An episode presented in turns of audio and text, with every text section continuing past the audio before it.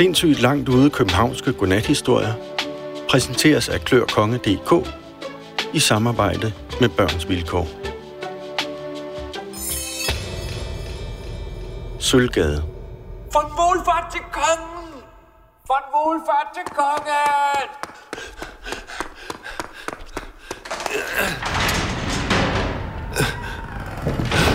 Deres Majestat. Da kong Christian den 8. af Danmark skulle fejre sit og dronningens sølvbryllup, bestemte han sig for, at det skulle foregå på allerbehørigste maner. Kongens hofmarskal, der hed von Wohlfahrt, smilede og nikkede og sagde, som majestaten befaler, og trak sig så tilbage for at arrangere noget, der kunne komme ind under betegnelsen allerbehørigste maner. Hofmarskallen kom hurtigt på den idé, at et velegnet tema jo kunne være sølv, og besluttede sig så for, at man kunne anlægge en gade, der bestod af dette edle metal. Dengang var det ret nemt at være eventmanager for kongehuset. Budgetloftet var knap nok til at få øje på. Hofjuvelerne var jo egentlig nogle fine herrer, der ikke lavede meget andet end at sidde med sirligt på madehår og nørkle med bittesmå låse til halskæder og pusse kronjuvelerne. Men nu skulle der altså arbejdes i de store formater. Og inden man så sig om, stod de kongelige hofjuveler med håret i uorden og i kommunale kedeldragter og svedte trang, mens de omsmeltede alt det sølv, der takket være en nogenlunde frivillig folkeindsamling, kom ind fra hele landet. Den ene hestekære efter den anden kom bumlende med sølvgafler, sølvskeer, sølvløver, sølvknive, sølvklatter, sølvpenge, sølvringe, sølvpokaler, alt muligt sølvhalløj, der derefter blev smidt ned i de mægtige kar og kedler, som hang og dinglede over store bål i østre anlæg. Ved at varme sølvet op, fik man gjort det lige så blødt som flydende asfalt, og derefter hældte man det ud over brostenene på Fredens Gade. Der jo således blev lavet om til Sølvgade. Det var den oprindelige plan, at den nye Sølvgade skulle strække sig fra Rosenborg Slot og helt ud til Emdrup Sø, hvor kongen holdt meget af at fiske med sin kone. Det er imidlertid en strækning på mange kilometer. Den russiske zar, den engelske konge, den tysk-romerske kejser eller den egyptiske farao ville muligvis have kunnet klare at belægge sådan en lang vej med sølv, men ikke kongen af det ret lille Danmark. Så det blev kun til 1 kilometer sølvgade, og da bryllupsdagen oprandt, kørte kongen og dronningen på den fra Rosenborg Slot og ud til Sortedamsøen. Den skinnede og funklede den gade.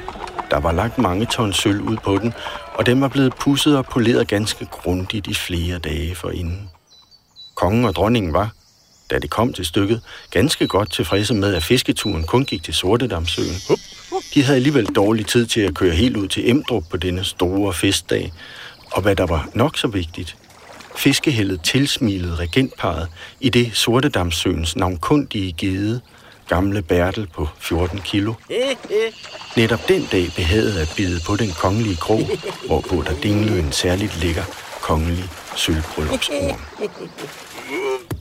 Nej, Christian, se en fisk. Da den vellykkede fiskedag var til ende, kørte kongen og dronningen hjem til Rosenborg igen, og folket stod langs Sølvgade og hyldede dem. Mange af de sammenstemlede mennesker var dog også kommet for at se gamle Bertel. Han var jo som sagt navnkundig, havde hidtil mest eksisteret som et rygte. Kongen og dronningen sad med ham i karetten og holdt om ham. Og den store gede smed om sig med glitrende fiskeskæl, så majestæterne kom til at ligne sølvrobotter i hovedet. Hej, hej, sidder Københavner. Hej, hej. Ja, det var et lykkeligt ægtepar. Ikke bare på grund af den gode fangst og folkets hyldest, men fordi alle ægtepar, der fisker sammen, er lykkelige. Og hofmarskal von Wohlfahrt stod bag på karetten i sit stiveste og rødeste bus og var udmærket tilfreds med, at det hele forløb, som det skulle. Der var dog noget, der nagede ham lidt. For vel var det rimeligt nok, at et kongeligt sølvbryllup blev fejret med pomp og pragt, men det var måske lige øh, lovligt hæftigt sådan at lægge sølv ud for næsen på københavnerne, der vidderligt kunne give et fattigt, ja næsten et skidende indtryk. De havde uret og luset hår, pjaltede klæder, og når de smilede, var det ikke hvide smil, der strålede fra deres munde, men halssorte gab, fordi de havde så mange huller i tænderne. Hvis de overhovedet havde tænder, at have huller i. De fleste omkring hoffet tænkte, at sådan skulle det være, og bare de selv havde hvide tænder, så var alt som det skulle være. Men von Wohlfahrt tænkte altså anderledes. Da porten til Rosenborg var lukket bag hele det kongelige følge, og kongen og dronningen var gået i køkkenet for at partere fisken, ja, så begyndte problemerne at vokse ude langs Sølvgade.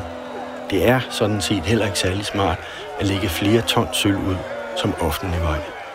Selvom der var opstillet tæt på 100 soldater langs Sølvgade, gik der ikke længe før den første københavner forsøgte sig med en hammer og en mejsel, hvis det ikke ligefrem var en hammer og et sejl, sagde det. Og så var der hakket en sølvflis af Sølvgade. En mindre deling soldater satte efter 20-knægten, men de fik ikke fat i ham. Og mens de vendte ryggen til, var der andre, der kastede sig over Sølvgade. Nogle med store hammer, andre med skovle og spader. Og inden man så sig pakket og borede københavnerne i den nylagte Sølvgade. Ak, fristelsen var dem alt for stor. Til sidst måtte soldaterne skyde varselsskud. Det fik folk til at flytte sig lidt, men ikke særlig længe og ikke særlig langt væk. Sølvet lokkede dem igen tættere på. Hofmarskal von Wohlfahrt hørte uroen, stak hovedet op over muren, der omkransede kongens have og så, hvad der var los. Han snodede sit lange overskæg, og det var klogt gjort, for sådan fik han en god idé, som han kunne viderebringe kongen. Han traf majestæten inde i spisesalen. Gamle Bertel var blevet lavet om til 130 fiskefrikadeller, så kongen var i strålende humør og sagde derfor øjeblikkeligt, Hummer, hummer, da han hørte hofmarskallens idé. Selvom det faktisk var en meget mærkelig idé. Udenfor var det i mellemtiden blevet mørkt. Soldaterne stod nervøst og vogtede over Sølvgade. Der var blevet indkaldt ekstra tropper, så de stod tættere nu, hvilket også var nødvendigt, fordi stadig flere københavnere stimlede til. Sådan stod de to grupper og pustede sig op over for hinanden i faklernes flakkende lys. I befolkningens sultne ansigter tegnede sig drømmen om at blive hovedrig på en enkelt nat, og den slags giver uro, brænde under øjnene og dybe rynker. Hofmarskal von Wohlfahrt bad sine folk om at skynde sig. Vejvæsenet gik nu under vejledning af hofjuvelerende i gang med at bryde Sølvgade op. Det var lidt trist at se de mørkegrå brosten kigge frem igen under det glitrende edelmetal, men det kunne jo ikke være anderledes. Sølvklumperne blev smidt op på hestekære, der under intens bevogtning blev kørt ud af byen og op til den kongelige gård i Søllerød. Her blev de de kommende dage og uger renset for grus og hestepærer og fiskeskæl og delt op i ganske bitte små bidder. For det var sådan, at hofmarskal von Wohlfahrt tænkte, at man skulle gøre noget ved københavnernes sorte gab. Sølvklumperne skulle blive til sølvplumper. Og hvem ved, måske har den kongelige karet for længe, længe siden kørt over lige præcis den lille klump sølv, som du eventuelt har i munden. Og når det engang slipper op, sølvet, ude i laden i søllerød, så er det ikke noget problem, for så er man for længst gået over til plastikfyldninger. Al den plastik kommer i øvrigt fra den lange og stejle plastikgade i Kolding. Den ligger idyllisk for foden af Koldinghus, og ja, netop i den gade inde i nummer 4. Nå, det er en helt anden historie, der hører til i en helt anden by, så den kan du ikke få her. Sindssygt langt ude københavnske godnathistorier er skrevet og indtalt af Boris Bold Johansen med lyd og teknik af Bossy Bo i samarbejde med Børns Vilkår. Husk, at du nu kan købe klokongebøger hos din boghandler. De er i hardback og er fyldt med funky tegninger. Wow.